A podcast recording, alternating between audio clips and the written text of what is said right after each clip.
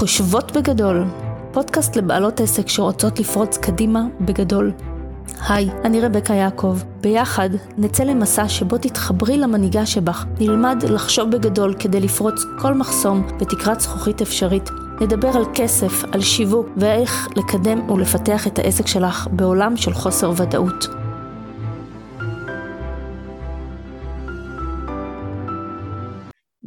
בפרק הזה שנדבר על איך להסתכל על דברים בצורה אחרת. איך שאנחנו רואים בעצם את העולם העסקי שלנו, איך שאנחנו מגיעים אליו, אנחנו הרי מגיעים בדרך כלל עם כל כך הרבה...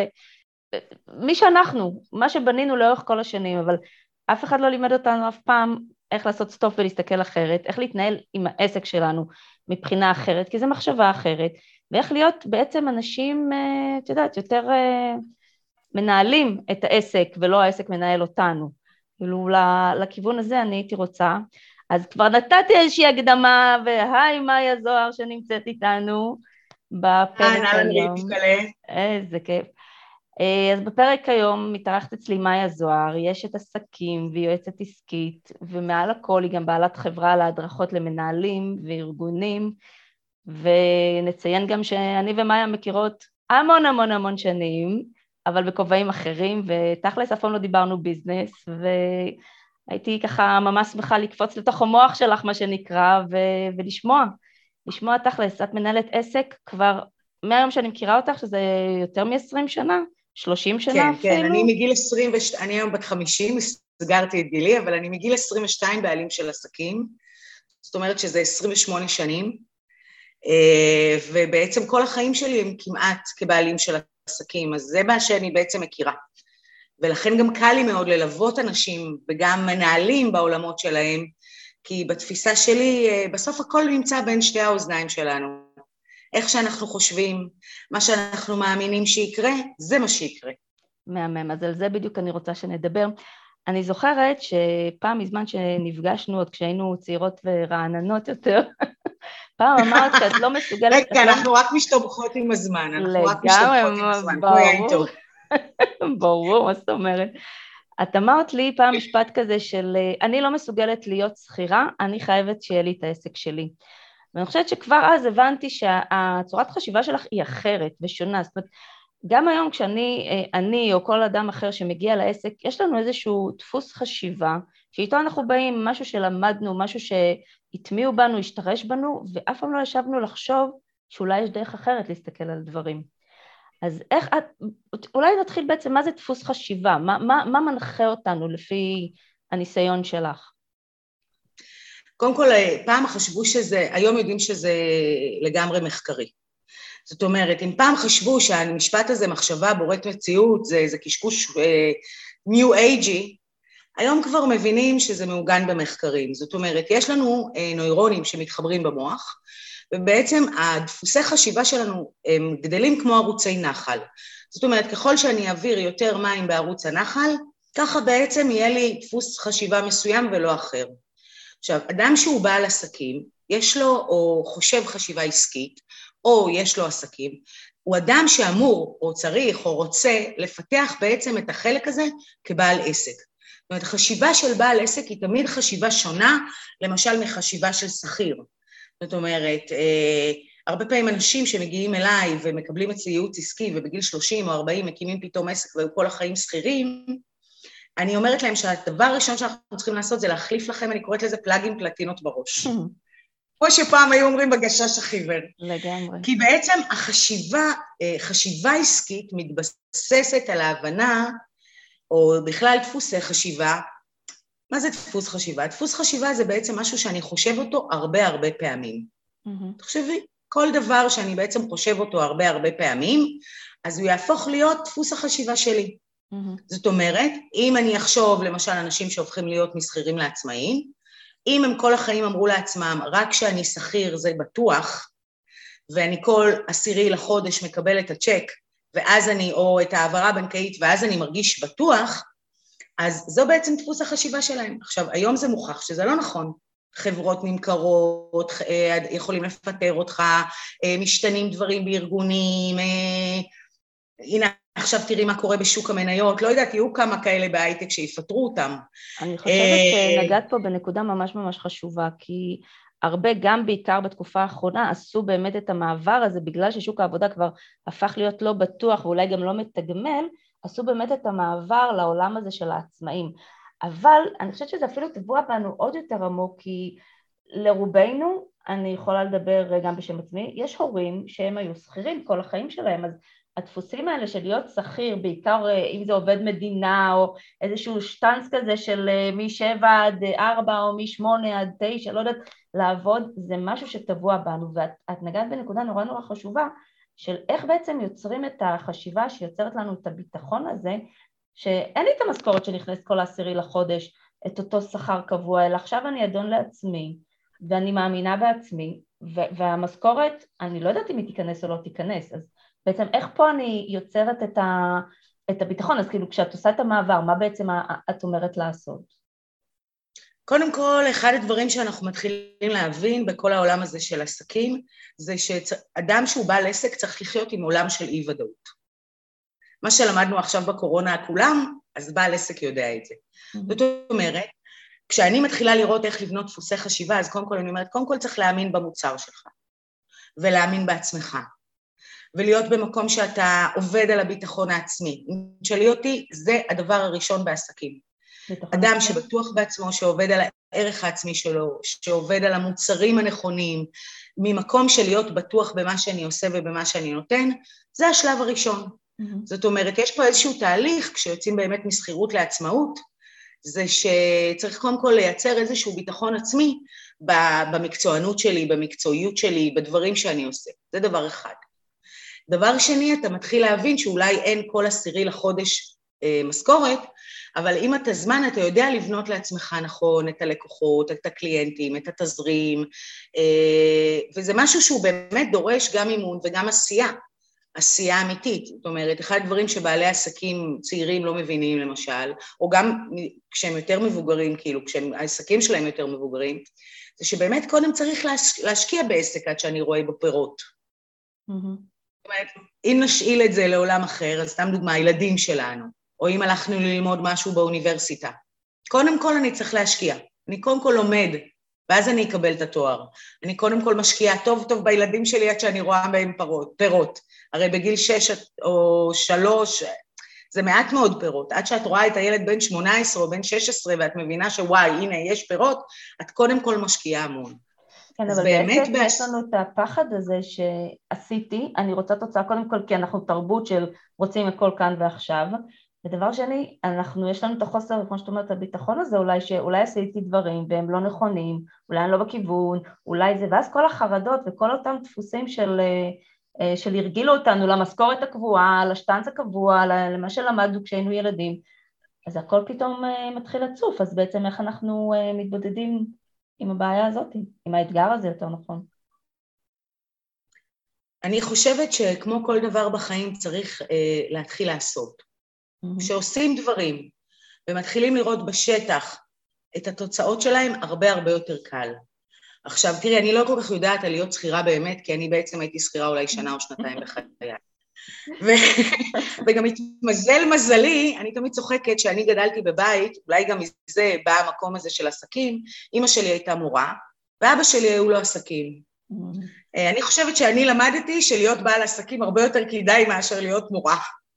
כי אני ראיתי שכלהיות מורה, מה לעשות, כשאת עובדת, הנה דוגמה מצוינת, להיות מורה במשרד החינוך. בואי, זה לא מביא אותנו רחוק כלכלית.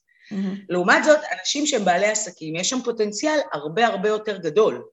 זאת אומרת, בתפיסה שלי, אה, יש הרבה יותר פוטנציאל להצליח כשאתה בעל עסק מאשר אתה שכיר, בטח ב, תלוי גם באיזה מקצועות. זאת אומרת, הדוגמה שנתתי על מורות או על עובדות סוציאליות, שבאמת את רואה שהן עובדות, משקיעות את הנשמה, נותנות שעות על גבי שעות, נכון, בעשירי לחודש נכנסת להן איזושהי משכורת, אבל בסוף זה לא הרבה. והשאלה תמיד היא מה החלופה שלי. ובסופו של דבר, קודם כל הדרך היא, קודם כל מחשבה באמת. אם אני תופסת את עצמי כבעלת עסק, ולא כעצמאית, כי זה אחד הדברים שאני קודם כל מכוונת אה, בעלי העסקים שבאים אליי. תסבירי מה ההבדל. כשאני בעלת עסק, אני בעלת עסק, אני חושבת עסקית. המחשבות שלי הן עסקיות. זאת אומרת, אני למשל יכולה להבין שאני יכולה להרוויח מכמה מקומות, מכמה מקורות רווח שונים. אוקיי? Mm-hmm. Okay? זאת אומרת, כשאני בעלת עסק, אז אני יכולה גם, אה, זאת אומרת, לומר במקרה שלי, לתת ייעוץ עסקי, גם להיות אה, בעלים של חברת הדרכה, וגם אני עושה שיתופי פעולה בין עסקים ואני מקבלת מזה עמלות גדולות או כל מיני דברים כאלה, כי יש לי את היכולת לחבר ביניהם, לעשות כל מיני דברים שבתור שכירה אין לי בעצם. תחשבי על זה, לשכיר יש בתפיסה שלי לקוח אחד. Mm-hmm. יש לו בוס אחד. Mm-hmm. ולבעל עסק יכולים להיות הרבה לקוחות. אוקיי. Okay. אוקיי? Okay? עכשיו, כשאני בעלת עסק אני צריכה לחשוב גדול יותר. Mm-hmm. וזה בעצם ההבדל בחשיבה המשמעותית.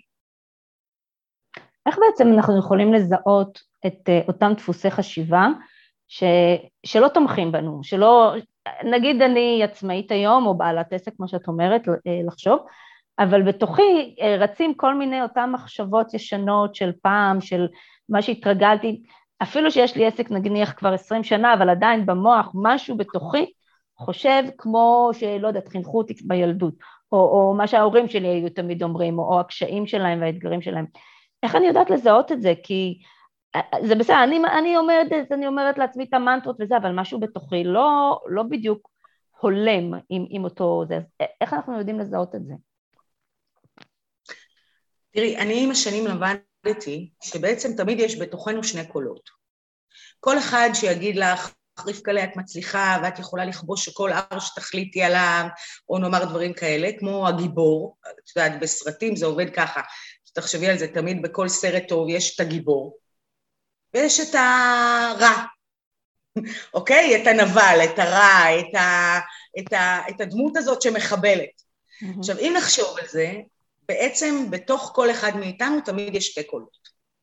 יש קול אחד שאומר, אוקיי, אני רצינית, אני מוכשרת, אני מצליחה, אה, וגם על זה צריך לדעת לעבוד, כי הרבה פעמים כשמגיעים אליי אנשים, הם לא יודעים מי הם. חלק מהעבודה הכי גדולה שלי עם בעלי עסקים זה לעזור להם להבין מי הם בכלל. ואני אפילו יכולה להגיע עם זה למה שנקרא סינדרום המתחזה. יש לי למשל אה, בעלות עסקים שאני מלווה, שלא משנה מה יגידו להם כמה הן טובות, הן לא מבינות שהן טובות, אז הן מרגישות שהמחמאות סתם באות אליהן. הן יכולות להגיד לי, מה, אני לא מבינה, הן כל הזמן אומרים עליי כמה אני טובה, אבל אני לא מרגישה טובה מספיק עם עצמי. עכשיו, אפרופו, יש לזה בספרות שהם קוראים לזה סינדרום המתחזה. זה ידוע. זאת אומרת, הרבה מאוד אנשים שעושים uh, את המקצוע שלהם והם מאוד מוכשרים בו, זה כאילו בא להם בקלות, זה כאילו נוזל מהם, זה כאילו מצליח להם. עכשיו, הן לא יודעות מה זה, זאת אומרת, הן אומרות, רגע, אם לא עבדתי מספיק קשה פה, אם אני כנראה לא באמת מוכשרת, זה סתם חושבים עליי, אני עושה הצגה. אז בספרות קוראים לזה סינדרום המתחזה, וזו האמת. הרבה פעמים אנחנו הרבה יותר טובים ממה שאנחנו מאמינים. מה שאני עושה איתם זה אני בעצם מבקשת מהם לבדוק את ההצלחות שלהם לאורך החיים. יש לי כל מיני תרגילים כמו תרגילי מצפנים שממש עוזרים לאנשים להבין את היכולות ואת הכוחות שלהם. אז זה צד אחד. והצד השני של הרע, או השדונים האלה, שתמיד אומרים לך, לא, את לא תצליחי, זה לא יצליח לך, זה לא יעבוד לך, אה, אחרים הרבה יותר טובים ממך, אה, את נכנסת לאינטרנט ואת פתאום רואה איזה מישהו שמפרסם בלי סוף, את פתחת את העסק לפני שנתיים והוא פתח אותו לפני עשרים. ואת כאילו משווה את עצמך למישהו שהוא בעל עסק של עשרים שנה. עכשיו, הרבה פעמים אני אומרת לכאלה בעלות עסקים שעושות את, התח... אה, את כל הנושא של, אה, את יודעת, לבדוק מה יש בשוק. אני אומרת להם, שבו בשקט, תהנו מזה, אל תחשבו שאתם מיד תהיו כמו ההוא שכבר עשרים שנה בשוק. זאת אומרת, צריך להבין שזה תהליך. הדרך היא פשוט לשאול את עצמי את מה אני מאכיל. האם אני מאכילה את הדמות של הגיבור, אני קוראת לה, של החלק החזק בי, או שאני מאכילה את הפחדים שלי. כי זה בכל תחום בחיים, אם תחשבי על זה, הפחדים וההצלחה. וצריך פשוט לעבוד על זה. איך את ממליצה בעצם להאכיל את הדמות החיובית יותר? כי כולנו יש לנו איזה אופי פולני כזה ואחר שנורא בקלילות אה, גולש לצד הסובל והמסכן והקורבן. כן, כן. א', זו עבודה לכל החיים, וזה לא רק בתחומים של עסקים. זאת אומרת, אחת העבודות הכי טוב, חשובות בחיים זה לדעת מי אני ולהכיל את העולם הזה. זאת אומרת, להגיד לעצמי, ברגע שמתחילים כל הקולות האלה של... אני קוראת להם הקולות המקטינים. למה את שמה בתוכך מישהו שמקטין אותך? מה, אם זו הייתה חברה טובה שלך, היית נותנת לה לדבר אלייך ככה? הרי לא היית מסכימה שאיזה חברה טובה תגיד לך, את קטנה, את לא מוצלחת, לא יצליח לך, לא יעבוד לך, לא שווה לך, לא... נכון? אז ברגעים האלה אני אומרת להם, תחשבו כאילו אתם חברה הכי טובה של עצמכם. היית מכניסה לעולם שלך חברה שכל היום הייתה אומרת לך, תשמעי, לא כדאי לך, את לא מוכשרת, את לא צריכה. זאת אומרת, פשוט קודם כל לזהות את הקולות האלה, לשים לב, ואז ממש לעבוד עליהם. זאת אומרת, להגיד, לא, לא, אני לא רוצה להקשיב לחלק הזה. זה הרע בסיפור, זה הדמות של, הג... של הרע בסיפור שלי. היא מחלישה אותי, היא מקטינה אותי, וככה לאט לאט אני, אני עובדת יותר על המקום הזה של היכולות שלי. כי להרבה מאוד אנשים יש הרבה מאוד יכולות והם מקטינים את עצמם. אבל לא תמיד אנחנו מודעים באמת לשיח הזה של הטוב והרע, אלא זה סוג של משהו שאת יודעת ככה, ב... נמצא מאחורי האוזן כזה או מאחורי, אנחנו לא תמיד שמים לב, אלא אם כן מישהו פתאום ככה אה, משקף לנו, או, או המציאות בעצם משקפת לנו, שאנחנו מנסים ומנסים והכל נוזל לנו או לא מצליח לנו או, או לא, אז, אז איך אנחנו בעצם יכולים לאתר את זה בצורה אה, מודעת, נקרא לזה ככה.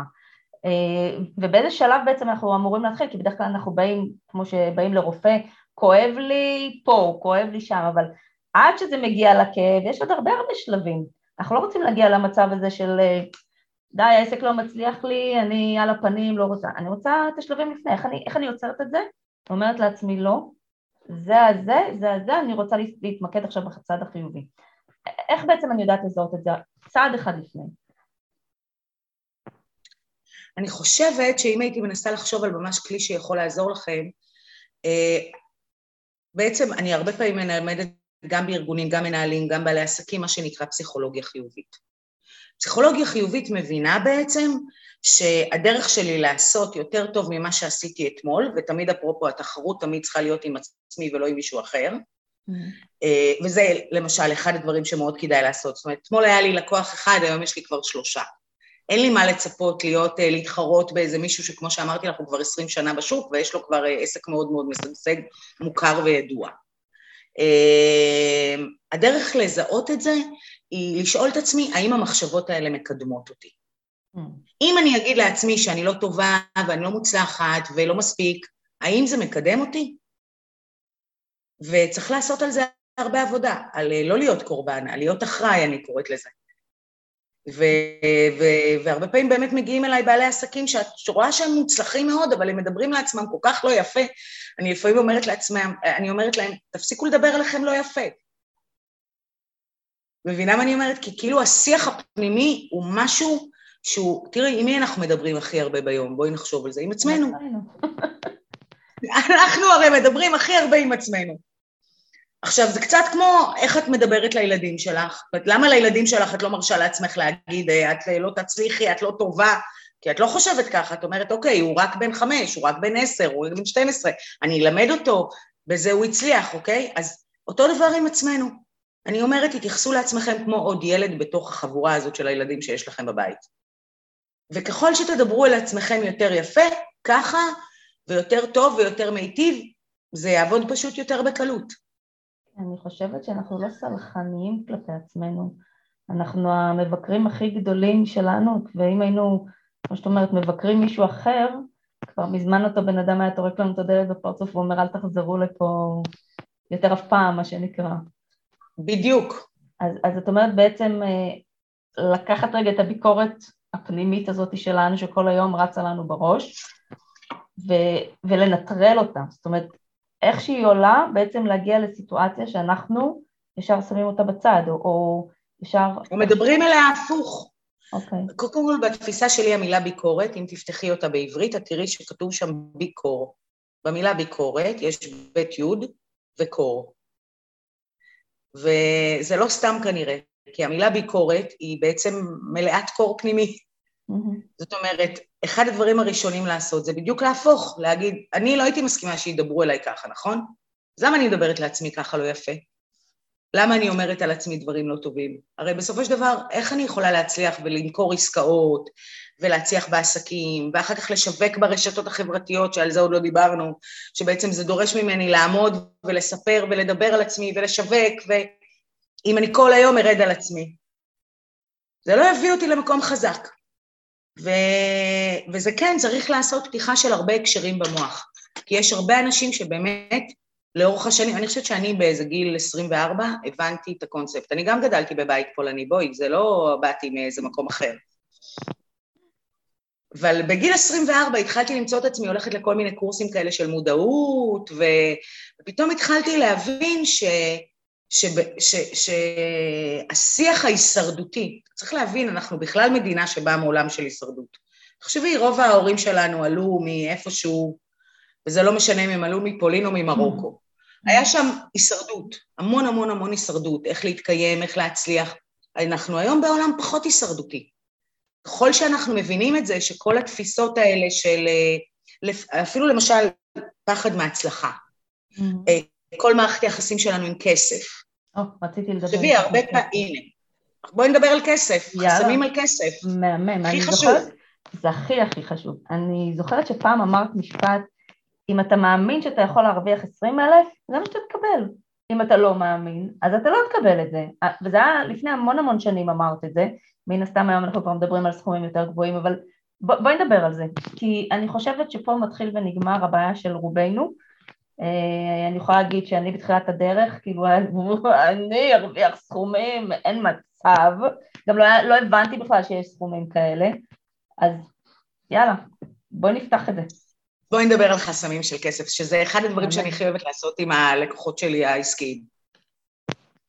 יש לי תרגיל מדליק שאני נותנת לאנשים על חסמים של כסף.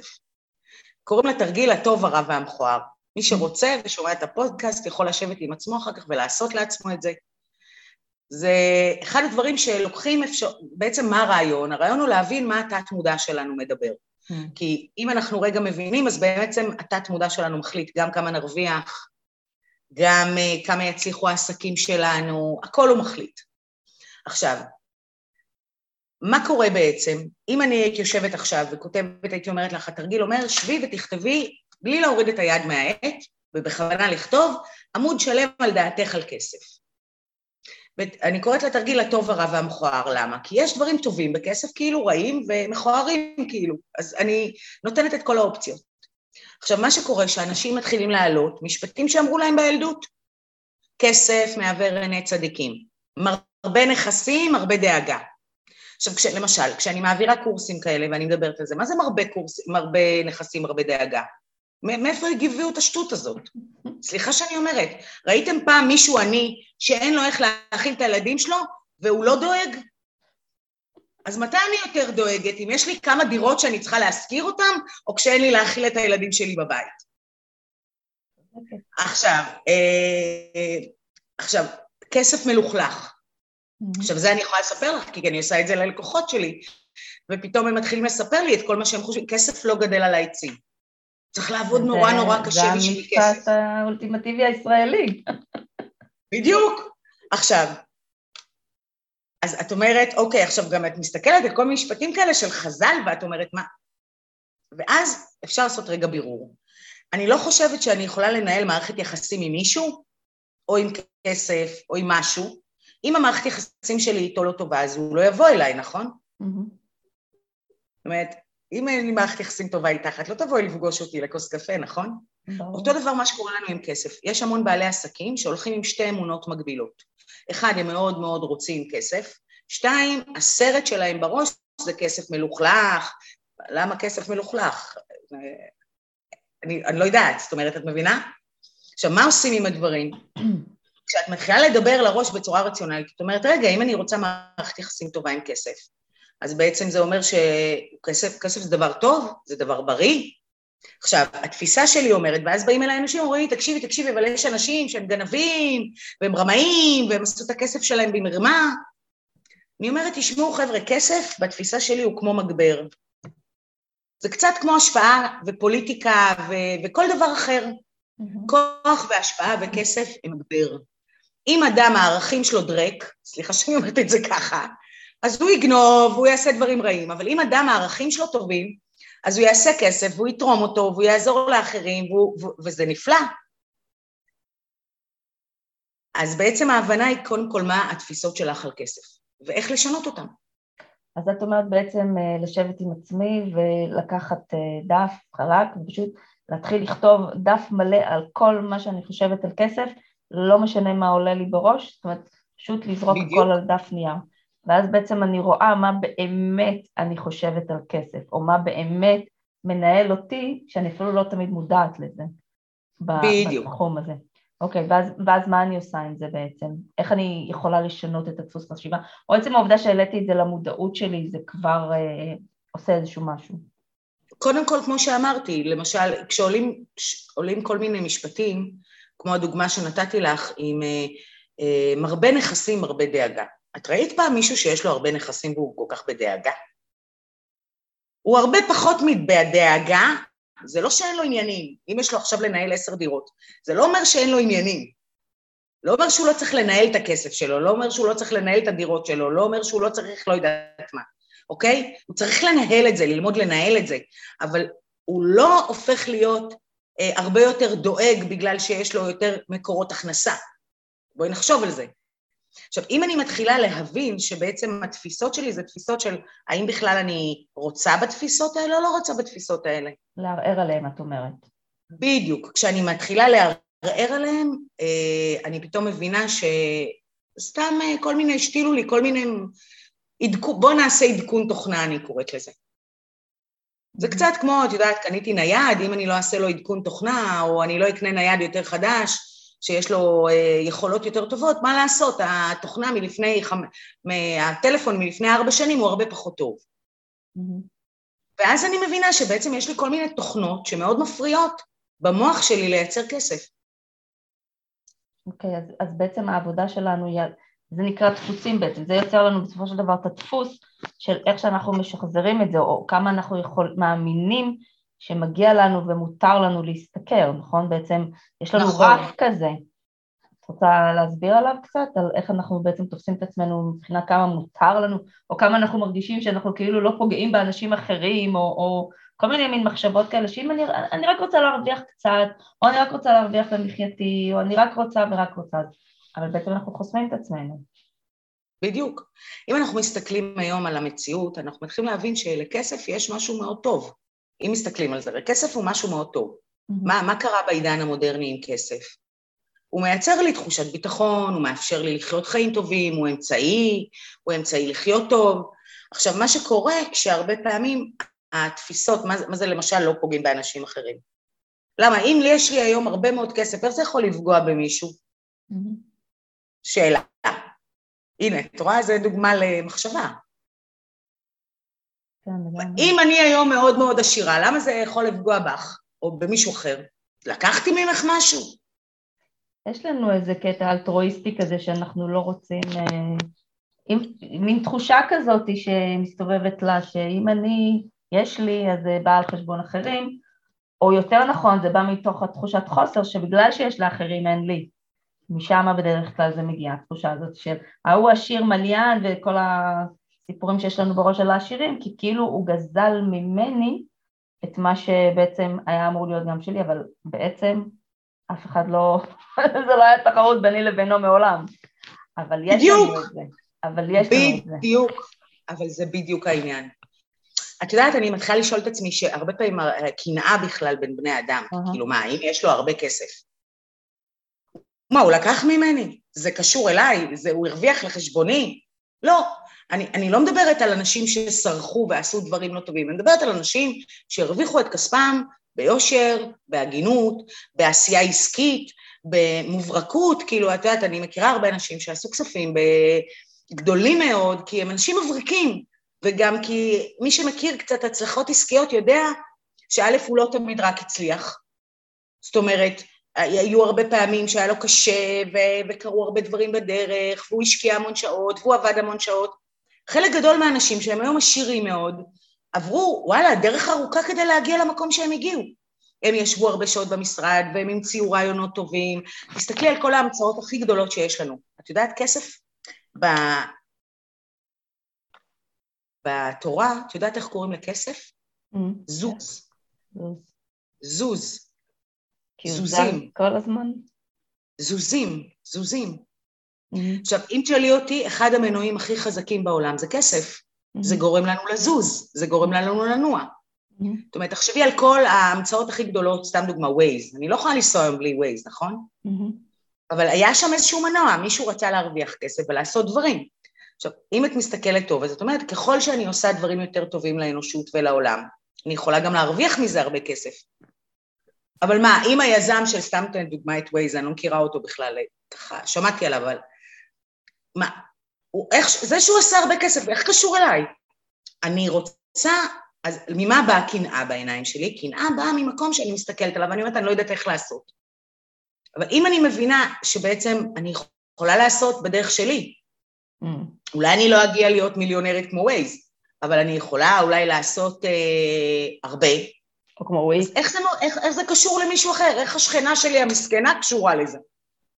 והרבה פעמים באמת עולמות של קנאה בתפיסה שלי על כסף וכל הדברים האלה, באים ממקום של חוסר ביטחון, איך אני אעשה את זה. Hmm. על זה לא חשבתי אף פעם. בואי תפתחי את זה פעם, באמת, כי אני חושבת שגם המדיה החברתית מציפה אצלנו כל כך הרבה קנאה וכל כך הרבה, וכל העולם הזה פתאום הפך להיות נורא ככה, מכווץ לנו את הבטן בדברים האלה, ואז אנחנו עוד יותר מרגישים שווים פחות, ומתחיל השיח ה...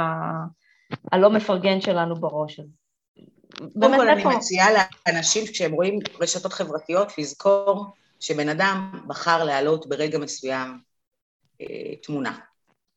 ולא להתבלבל ולחשוב שכל החיים שלו הם תותים ודבש. אין דבר כזה.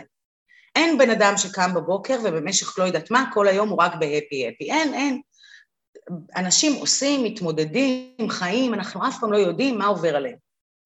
אומרת, אז א', להפסיק לקנא. הקנאה היא לא בריאה, היא בכלל כמו רעל בתפיסה שלי. זה גם לא מביא אותנו לשום גדילה עסקית ולא אישית. Mm-hmm. כי אם אני כבר רוצה, אז בואו נתייחס לזה, אני קוראת לזה כקנאת סופרים. Mm-hmm. אם היא יכולה, אז גם אני יכולה. Mm-hmm. זאת אומרת, אם היא הצליחה, אז אולי גם אני יכולה להצליח? אז רגע, מה היא עשתה כדי להצליח? מה אני יכולה לעשות כדי להצליח? זאת צריכה להיות תמיד החשיבה.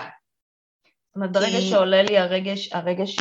שמדבר קנאה, אז במקום לקחת את זה למקום השלילי שלי, של ה...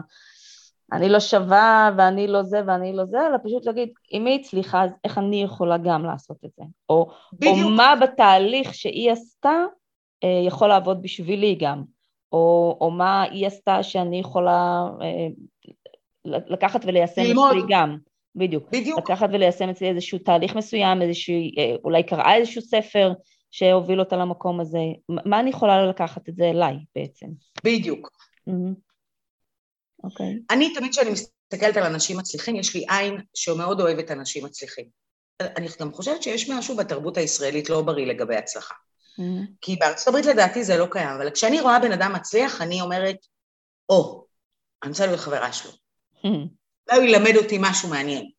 Mm-hmm. אולי אני אלמד ממנו משהו. כי בסופו של דבר, אם אנחנו חושבים על זה, אני עוד לא מכירה מישהו שהצליח, ואני עובדת עם הרבה אנשים מאוד מצליחנים, שאין להם ימים קשים, שלא עשו מהלכים עסקיים שנכשלו, שמה, הם לא עברו דרך? הם תמיד עברו דרך, ואני יודעת להגיד לך את זה בוודאות. זאת אומרת...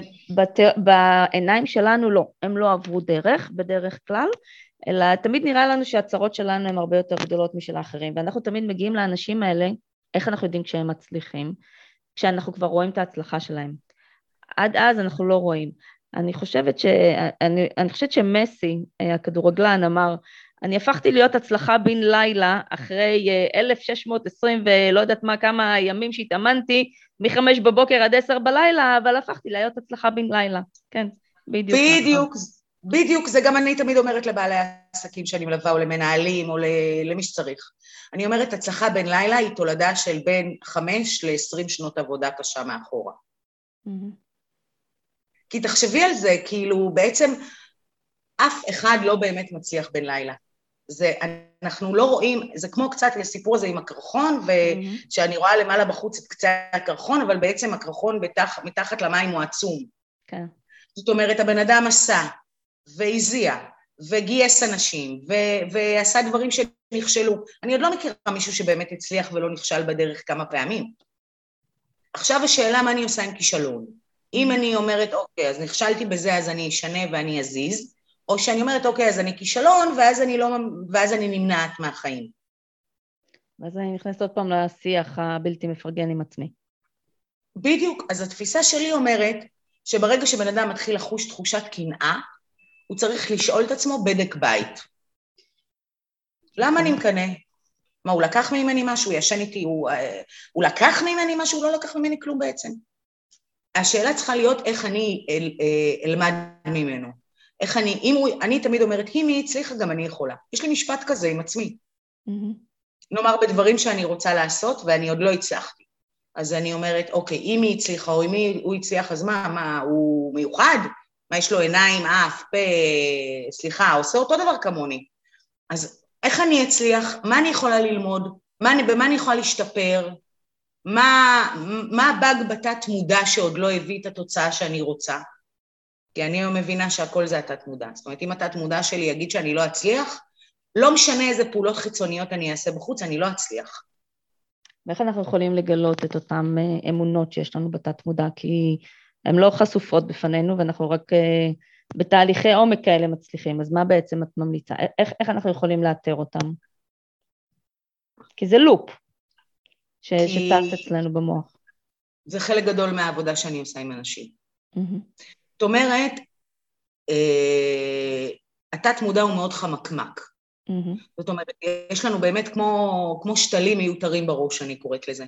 עכשיו, אני לא סתם אמרתי לך שכל החיים עשיתי עבודה מאוד, מאוד אה, אה רגשית, ו, ולמדתי המון המון כלים שעובדים על תת-מודע. Mm-hmm. זאת אומרת, מטטה הילינג ו-NLP ו- וכל מיני קורסים וסדנאות ובלי סוף ספרים, אה, שבעצם המטרה שלהם היא לעבוד על התת-מודע.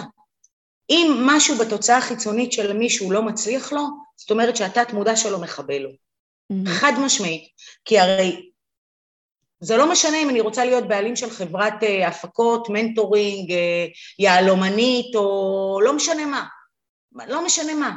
אני יכולה להגיע לזה אם אני אעשה את הדרך הנכונה, ובטח אם אני אאמין. אם אני לא מאמינה שאני אצליח, אני לא אגיע לזה בחיים. אז בעצם אנחנו כבר מגיעים לעבודת אה, אמונות שיש לנו, זאת אומרת, המחשבות שלנו שיש, שרצות לנו בעצם בלופ, בראש, הן באות מתוך איזשהו סט אמונות, בדיוק כמו שאמרתי, מה לקחת את ה, אה, כל מה שאני חושבת על כסף ולזרוק אותו על דף נייר, ואז בעצם אני מתחילה לגלות מה אני באמת מאמינה, אז אותו דבר בעצם מה אני באמת מאמינה על עצמי ועל היכולת שלי להצליח, על היכולת שלי למשוך לקוחות, אז זה בעצם גם נורא משפיע על השיווק שלנו ועל הדיבור שלנו החוצה. בדיוק. כי את יודעת, הרבה פעמים כשבאים אליי בעלי עסקים, ואני אומרת להם, טוב, אז עכשיו בואו נתחיל להוציא פוסטים ובואו נתחיל לשווק.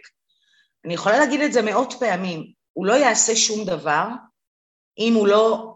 אני, אני תמיד אומרת שאנשים הם הרבה פחות עצלנים, הם יותר נמנעים. זאת אומרת, הרבה פעמים אנשים אומרים לעצמם, אני עצלן. לא עשיתי שיווק, אני עצלן. אבל זה לא נכון, זה נמנעות. זה כמו, אני נמנע, אני מפחד לעשות. Mm-hmm. ואז הפחד גורם לי להימנע מדברים, והרבה פעמים אני, אני מפסיד את כל הטוב של החיים.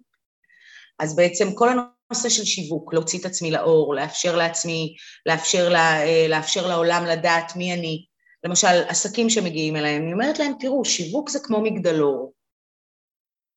כי מה זה מגדלור? אם, אם באה עכשיו ספינה הרי מה המטרה של מגדלור בחוף הים? באה ספינה, יש מלא אבנים כאלה של המזח, אם לא היה מגדלור שהיה נותן את האותות, הספינה הייתה נתקעת בסלעים. עכשיו אני אומרת להם, לא מזמן, סתם, לא משנה עם מי אני עובדת, אתה רוצה שיגיעו אליך אנשים, יש להם בעיות, יש להם קשיים, אתה יכול לפתור להם? איך הם ידעו אתה לא, שאתה קיים בכלל? אם לא תעשה שיווק, הם לא יודעים שאתה קיים. אם הם לא יודעים שאתה קיים, איך אתה אופציה? מצאת, הלכת פעם לקנות איזה נעל ספורט ו, איך ידעת שנייק קיימים? איך ידעת ש, ש, שאדידס קיימים? אם הם לא היו משווקים ולא היו מספרים כלום, אז לא היית יודע שקיימת האופציה. אותו דבר כל עסק. כן, אם ש... אני לא משווקת, אני לא אופציה. נכון, ואחד הפחדים הכי גדולים זה דווקא העניין הזה של אני צריך לעמוד בפרונט, להוציא את עצמי, להוציא את העסק. זה כאילו הופך למשהו אישי מדי, ואז מה יגידו עליי? מה יחשבו עליי? אני מפחדת... אה, ומה אם אמא שלי פתאום תקרא את הפוסט שלי? זה הרבה פעמים אני שומעת אה, בעסק שלי. ומה בעצם את אומרת לאנשים על, על העניין הזה? כי אנחנו כל כך חושבים על מה יגידו עליי, ואז עוד פעם נכנסים לכל הלופ הזה של... אה, אז יש לי תשובה לא מהממת. כן. לזה יש לי תשובה הכי מהממת בעולם. אז אני אגיד לך מה דעתי על העניין הזה. א', אני מאמינה, אני יוצאת מנקודת הנחה, שאנשים מצליחים תמיד מדברים עליהם. הרי תמיד מדברים בסוף. Mm. אחרי עשר שניות עובר לבן אדם, הוא לא באמת אכפת לו ממני. הוא באותו רגע ראה איזה פוסט, יכול להגיד עליי איזה משהו, אבל 99% מהזמן הוא בחיים שלו, מתמודד עם העניינים שלו, עם הביצות שלו, עם, הצר... עם, הצ... עם הבעיות שלו, עם הצרכים שלו. עכשיו אני אומרת ככה, אנשים מצליחים תמיד מדברים עליהם. אנשים משמעותיים בסוף תמיד ירכלו עליהם. יהיו כאלה שיגידו וואו, היא השראה והיא מדהימה והיא שמש ואני רוצה להיות חברה הכי טובה שלה וללמוד ממנה, ואחד יגיד היא עפה על עצמה. שיגיד שאני עפה על עצמי. סבבה, הוא לא יהיה לו לקוחות, ולי יהיו לקוחות, זה ההבדל. זה עניין של אה, ביטחון אה. בעצמנו, כמו שהתחלת בעצם ואמרת, שככל שיש לי יותר ביטחון בי, בעצמי, בעסק, במה שאני מביאה לעולם, ככה בעצם פחות אכפת לי בסופו של דבר מה אנשים יגידו. או, או, מה, או מה אימא שלי תכתוב לי על הפוסט. אימא שלי חמודה, תמיד עונה לי, תמיד מפרגנת, אבל יש, יש אנשים שממש, אה, אני יודעת מהניסיון שלי, שמגיעים אליי, שממש מפחדים, מה חמתי תגיד עליי אם היא תראה את הפוסט? מה, מה, מה הגיסי יחשוב עליי? אז, אז, אבל למה אכפת לך? הם לא יהיו לקוחות שלך לעולם, אז מה, מה אכפת לך? לא, כי זה בפייסבוק וכולם רואים את זה. אוקיי, אז מה את אומרת לכאלה? אני אומרת להם באמת, ש... תראי, בסוף זה רק עוד חבלן. זאת אומרת, זה עוד רעש שמחבל לנו על העניינים. אני הרבה פעמים אומרת להם, אם הייתה לכם חברה נורא מוצלחת, שיכולה להביא עבודה מאוד מסוימת, והייתה כותבת פוסטים, הייתם מפרגנים לה או לא מפרגנים לה? זאת אומרת, תסתכלו רגע הפוך, תסתכלו החוצה. כי הרי בסופו של דבר נאמר מישהו הוציא פוסט וכולם ענו לו ודיברו איתו על זה, אחרי שעה הם שכחו והם כולם הלכו לעבודה שלהם ולחיים שלהם ולבעיות שלהם ולצרות שלהם. אחרי חמש. דקות הם שכחו, שעה היית נדיבה. בדיוק, אחרי עשר שניות. עכשיו, תראי, אני לא אגיד לך שאין אנשים, תראי, אני, אני אומרת, אה, אני אומרת ש...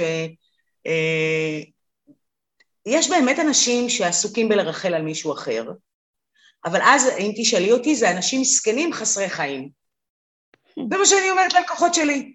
כי לי אין זמן לרחל על אנשים. מה זה משנה לי מה מישהו אחר עושה? מה, אני חיה איתו?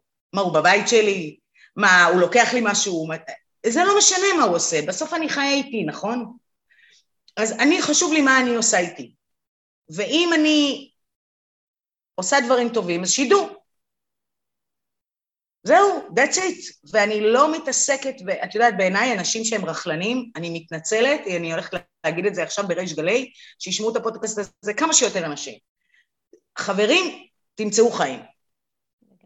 כי מי שמרחל על מישהו אחר זה מישהו שאין לו חיים שלו, הוא לא עסוק בלהצליח, הוא עסוק בלרחל על מישהו אחר. וזה נראה לי, לא חבל על הזמן שאתה מקלקל לעצמך את החיים. לא חבל על הזמן שאתה מבזבז. ולנו זה חבל על האנרגיה לתת תשומת לב בכלל למישהו שאין לו, אין לו אנרגיה חיובית לתת או משהו כזה.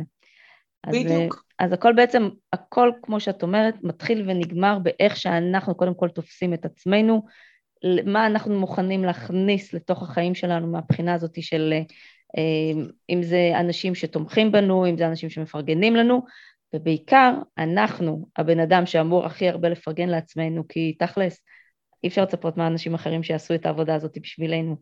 והכל מתחיל ונגמר בעצם בצורה שבה אנחנו חושבים. ובתור אחת שכבר אה, כמה, 30 שנה נדמה לי יש לך עסק או משהו כזה, זה תהליך התפתחותי אינסופי, נכון? זאת אומרת, זה לא שעשיתי עכשיו איזושהי עבודה פנימית עם עצמי ו- וזהו, וסיימתי עם זה. מחר בבוקר אני קמה, אני צריכה להמשיך בדיוק מאותה נקודה שהפסקתי. זאת אומרת, כל יום, בדיוק. אז תספרי קצת על, על תהליכי ההתפתחות, זאת אומרת, את עברת תהליך, כאילו, עבר דרך, את, את לא התחלת ככה כמו שהיום את מדברת, אז אם בא לך ככה קצת לשתף, ככה לתת לנו במוטיבציה, מה שנקרא. אה, קודם כל, באמת לא התחלתי ככה. אני את העסק הראשון שלי הקמתי בגיל 22, כאילו במקרה. אה, עבדתי באיזה באיזה טלמרקטינג, כשהייתי סטודנטית, משהו כזה, ויום אחד באה אליי, ולפני זה עבדתי בתחנה המרכזית החדשה כשהיא נפתחה, וחשבו שהיא תהיה מול רמת אביב, לא קרה לה מעולם, אבל עשיתי שם אירועים וכל מיני דברים כאלה, ושגם לזה הגעתי מאיזה חברה, זה, זה השנתיים שהייתי שכירה בערך בחיי, אה, ואז יום אחד באה אליי איזו חברה באוניברסיטת תל אביב ואמרה לי, תשמעי, הנה, זו דוגמה מצוינת על איך מתחילים עסקים, ואמרה לי, בואי נעשה מסיבה. ואני לא אשכח שלקחנו פה בנווה צדק אה, אנגר, היום אי אפשר לקחת בנווה צדק אנגר למסיבת סטודנטים, בואו, זה לא כלכלי, ופתאום מצאתי את עצמי שאני מרוויחה בערב אחד של מסיבה, אני לא אשכח, זה היה סכומי עתק אז, חמשת אלפים או שבעת אלפים שקל על ערב אחד במקום, אה, תחשבו לעבוד כל החודש או מה שזה לא היה. ואחרי הערב הזה לי היה ברור שככה ממשיכים, זאת אומרת, מה, אני לא אחזור להיות איזה, לעשות טלמרקטינג למישהו אחר אם אני יכולה לעשות סכום כזה. ואני זוכרת שפניתי אליה ואמרתי לה, תקשיבי, בואי אה, נעשה. והיא אמרה, לא, לא, לא, זה היה המון עבודה בשבילי. וככה נהייתה לי חברה להפקת אירועים, זה התחיל ממסיבות באוניברסיטת תל אביב. אחרי זה הבנתי שעדיף להעביר את זה לאירועים מסחריים, אה, לחברות. אה, ובאמת הרבה מאוד שנים הייתי בתהליך של התמודדות והתפתחות עצמית. פעם אם לא הייתי מקבלת איזו עסקה גדולה, אה, היו שנים שהתמודדתי במכרזים של חברות הפקה מאוד גדולות והיינו עובדים לפעמים שבוע כדי לקבל אה, מכרז ובסוף לא היינו מקבלים. אני רוצה להגיד לך שהייתי כמו תינוקת, נכנסת לשירותים, העובדים שלי לא היו רואים, לא היה לי נעים מהם והייתי פשוט בוכה. אני בכלל גיליתי עם השנים שנשים מעולות, קודם תבכו אחרי שעובר לכם כמה דקות של הבכי, יופי, תנגבו דמעות, יאללה, לכו להתמודד. אני בעד לבכות, אני אומרת, זה ספונג' על הגוף. אבל, ואני זוכרת שהייתי בדיכאון מזה. עם השנים פיתחתי חשיבה שאומרת, אם לא קיבלתי משהו, יש שם משהו יותר טוב בשבילי. Mm, והרבה פעמים המציאות הוכיחה לי את זה. כל מיני מכרזים גדולים שלא קיבלנו, ופתאום הבנו שהם כל כך הסתבכו, וכל מיני דברים כאלה. אז אומרת, עם הזמן החוזק, החוסן הנפשי הזה שאני מלמדת אותו היום למנהלים ולאנשים, זה משהו שפיתחתי. זאת אומרת, אז אמרו לי לא על מכרז, לא נורא, אני אעבוד חזק ואני אעבוד עוד פעם ואני אצליח. זאת אומרת, אמרו לי, אני לא אשכח, יש לי תמיד איזו חברה שאני אומרת, כל פעם שלא מצליח לי בחיים, אני אומרת, אוקיי, זו סיטואציה של צ'מפיון מוטורס, ככה אני קוראת להם. Mm. לפני הרבה שנים באתי ועשיתי פרזנטציה לצ'מפיון מוטורס, אני לא אשכח את זה, וישבו שם שלושה גברים בפגישה, אחת הפגישות הכי לא נעימות בחיי, אבל גם הייתי נורא צעירה. כאילו היום יכול להיות שפשוט לא הייתי סופרת אותם, אבל אז, מה זה נעלבתי מהם? הם הסתכלו עליי במין איזה מבט כזה ואמרו לי, אנחנו עובדים עם איזה חברת הפקה הרבה יותר גדולה. לא משנה שלימים האם מסכנה פשטה את הרגל בכלל. כאילו גירשו אותנו במין איזה בושת פנים, אני לא אשכח, ירדתי לאוטו, ואני זוכרת שאמרתי אה, אה למי שהיה שותף שלי בעסקים דאז, אמרתי לו, הם יראו, הם עוד יבואו אליי על ארבע. וכך היה, ואחרי זה אני במשך חצי שנה עבדתי בראש על זה שתהיה לי חברת רכב שאני אעבוד איתה בקדם, בקידומי מכירות ובאירועים שעשיתי בעבר. ו... ועד שלא מצאתי חברת רכב לא נחתי. מבחינתי זה רק פתח לי מבערים. ובאמת עבדנו אחר כך הרבה מאוד שנים עם חברת אונדה, וולבו ויאגואר, עם אומרת שאיתם עבדנו. ויום אחד באמת בא טלפון מצ'מפיון מוטורס, והם רצו שנעשה להם אירועים, אבל לא יכולנו, עבדנו עם המתחרים. ואני לא אשכח שסגרתי את הטלפון, פעם היה טלפון כבד, אתם יודעים. אני רוצה להגיד לך שריקוד כזה את לא ראית. התחלתי לרקוד באמצע המשרד. התחלתי להסתובב באושר ולהגיד נה נה בננה. זאת אומרת, מבחינתי הם הפסידו. וזה גם משהו שקשור כנראה לביטחון עצמי. הם הפסידו. כל מי שלא הלך איתי, הפסיד. גדול. כי אני באמת עושה עבודה טובה, והופכת להיות הכי מקצוענית שאני יכולה בכל תחום, ולומדת את התחום שלי, ולא מפסיקה לה, להשתפר. ואם אני מקבלת איזושהי ביקורת בונה, הגיונית, אני אומרת לעצמי איך אני יכולה לשפר. זאת אומרת, זאת אומרת, את לא לוקחת את זה לצד השלילי שמשבלל אותך ואומר, וואי, אני עכשיו קיבלתי ביקורת ואני, די, עכשיו אה, נכנסת מתחת לשולחן, לא יוצאת שבוע. אלא להפך, את לוקחת את זה לצד השני, זאת אומרת, לוקחת את זה בצד של ללמוד או בצד של להראות להם מה זה. להראות להם מה זה וגם ללמוד, כן. ככה אני עובדת, ככה המנגנון הטבעי שלי עם השנים נהיה. זאת אומרת, אותו דבר בכל תחום בחיים, תחשבי על זה. אם מישהו לא רוצה לעשות איתי עסקים, מי הפסידו? אני אשת מקצוע טובה, אני יודעת מה אני זה, אני יודעת מה אני עושה עם הלקוחות שלי. אני מעבירה הדרכות בארגונים, יש מנהלים שאומרים לי, שיניתי את החיים, מסדנה של... אה, אני עובדת עם, עם, עם אה, מנהלים בכל, מנהלים ועובדים בכל הרמות. תשמעי, mm-hmm. איך אני אומרת להם? כדי להיות מנהל טוב, אתה צריך להיות קודם בן אדם טוב. עם עצמך, לא מאמי. כאילו, כי רק אדם שהוא פטור עם עצמו, כשהעובד שלו עושה משהו, לא יוצא עליו, אלא הוא שואל את עצמו איך אני אאמן אותו, איך אני אלמד אותו, איך אני אהפוך אותו למישהו שהוא אה, עובד יותר טוב, או איך אני אבין איזה סגנון תקשורת יש לו ואני אדע לגשת אליו. זאת אומרת, התפיסה שלי אומרת שבסופו של דבר כדי להצליח יותר אנחנו צריכים להיות אנשים יותר פטורים עם עצמנו. Mm. לעבוד עם עצמנו על הבאגים, על, ה... על כל הקשיים שלנו, על הפתילים הקצרים שלנו, כל אחד והעניינים שלו. אבל בתפיסה שלי, אם מישהו נותן לי ביקורת, אז אני אומרת, אוקיי, אני א', שואלת ממי זה. לא תמיד יש כאלה שהביקורת שלהם בכלל רלוונטית עבורי, אולי הם לא מספיק יפה. אה, זה. יפה. לא כל אחד שייתן לי ביקורת אני מאמצת. יפה, הבחנה יפה. לא כל אחד אני מאמצת. אני שואלת האם שווה לי להקשיב לביקורת שלו? Mm-hmm. מאיזה מניע הוא בא, מה היכולות שלו, מה היכולת השוואה שלו, אה, מה הוא מכיר, ולפעמים אם הביקורת היא נכונה, אז אני אומרת, וואלה, אני אשתפר פה. אז פה ופה אני צריכה להשתפר.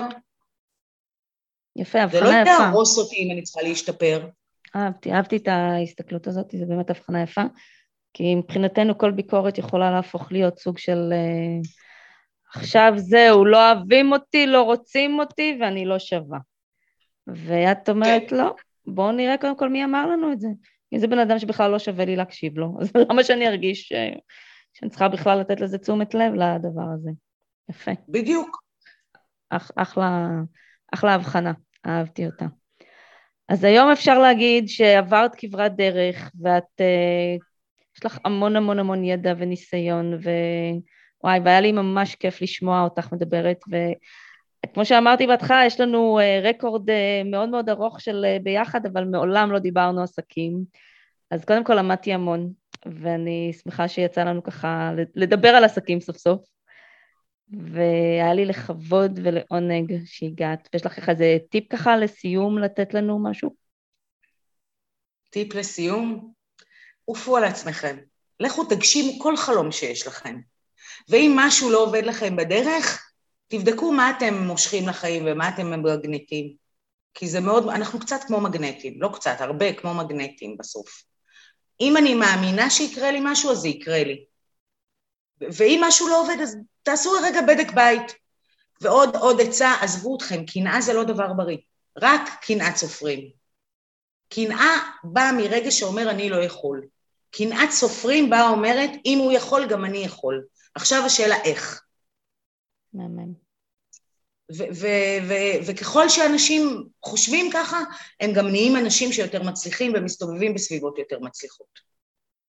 כמו שאומרים, להשרות את עצמנו בתוך הדבר הזה. אז ככל שאנחנו משרים את עצמנו, ככה אנחנו גם נהיים יותר דומים למה שהשרנו את עצמנו בתוכו. בדיוק, אני תמיד אומרת, זה כמו מרינדה. בדיוק. תלוי במה אני שמה אותה, אם אני אשים את העוף במשהו טוב, אז זה סבבה, ואם אני אשים את זה באיזה מרינדה מקולקלת, אז יהיה מגעיל. אז זו שאלה באיזה מרינדה אני משרה את עצמי. מהמם. מה יעלה? היה לי לכבוד ולעונג, ממש ממש כיף היה לי uh, השיחה הזאתי, ואיזה כיף שזה יצא לפועל.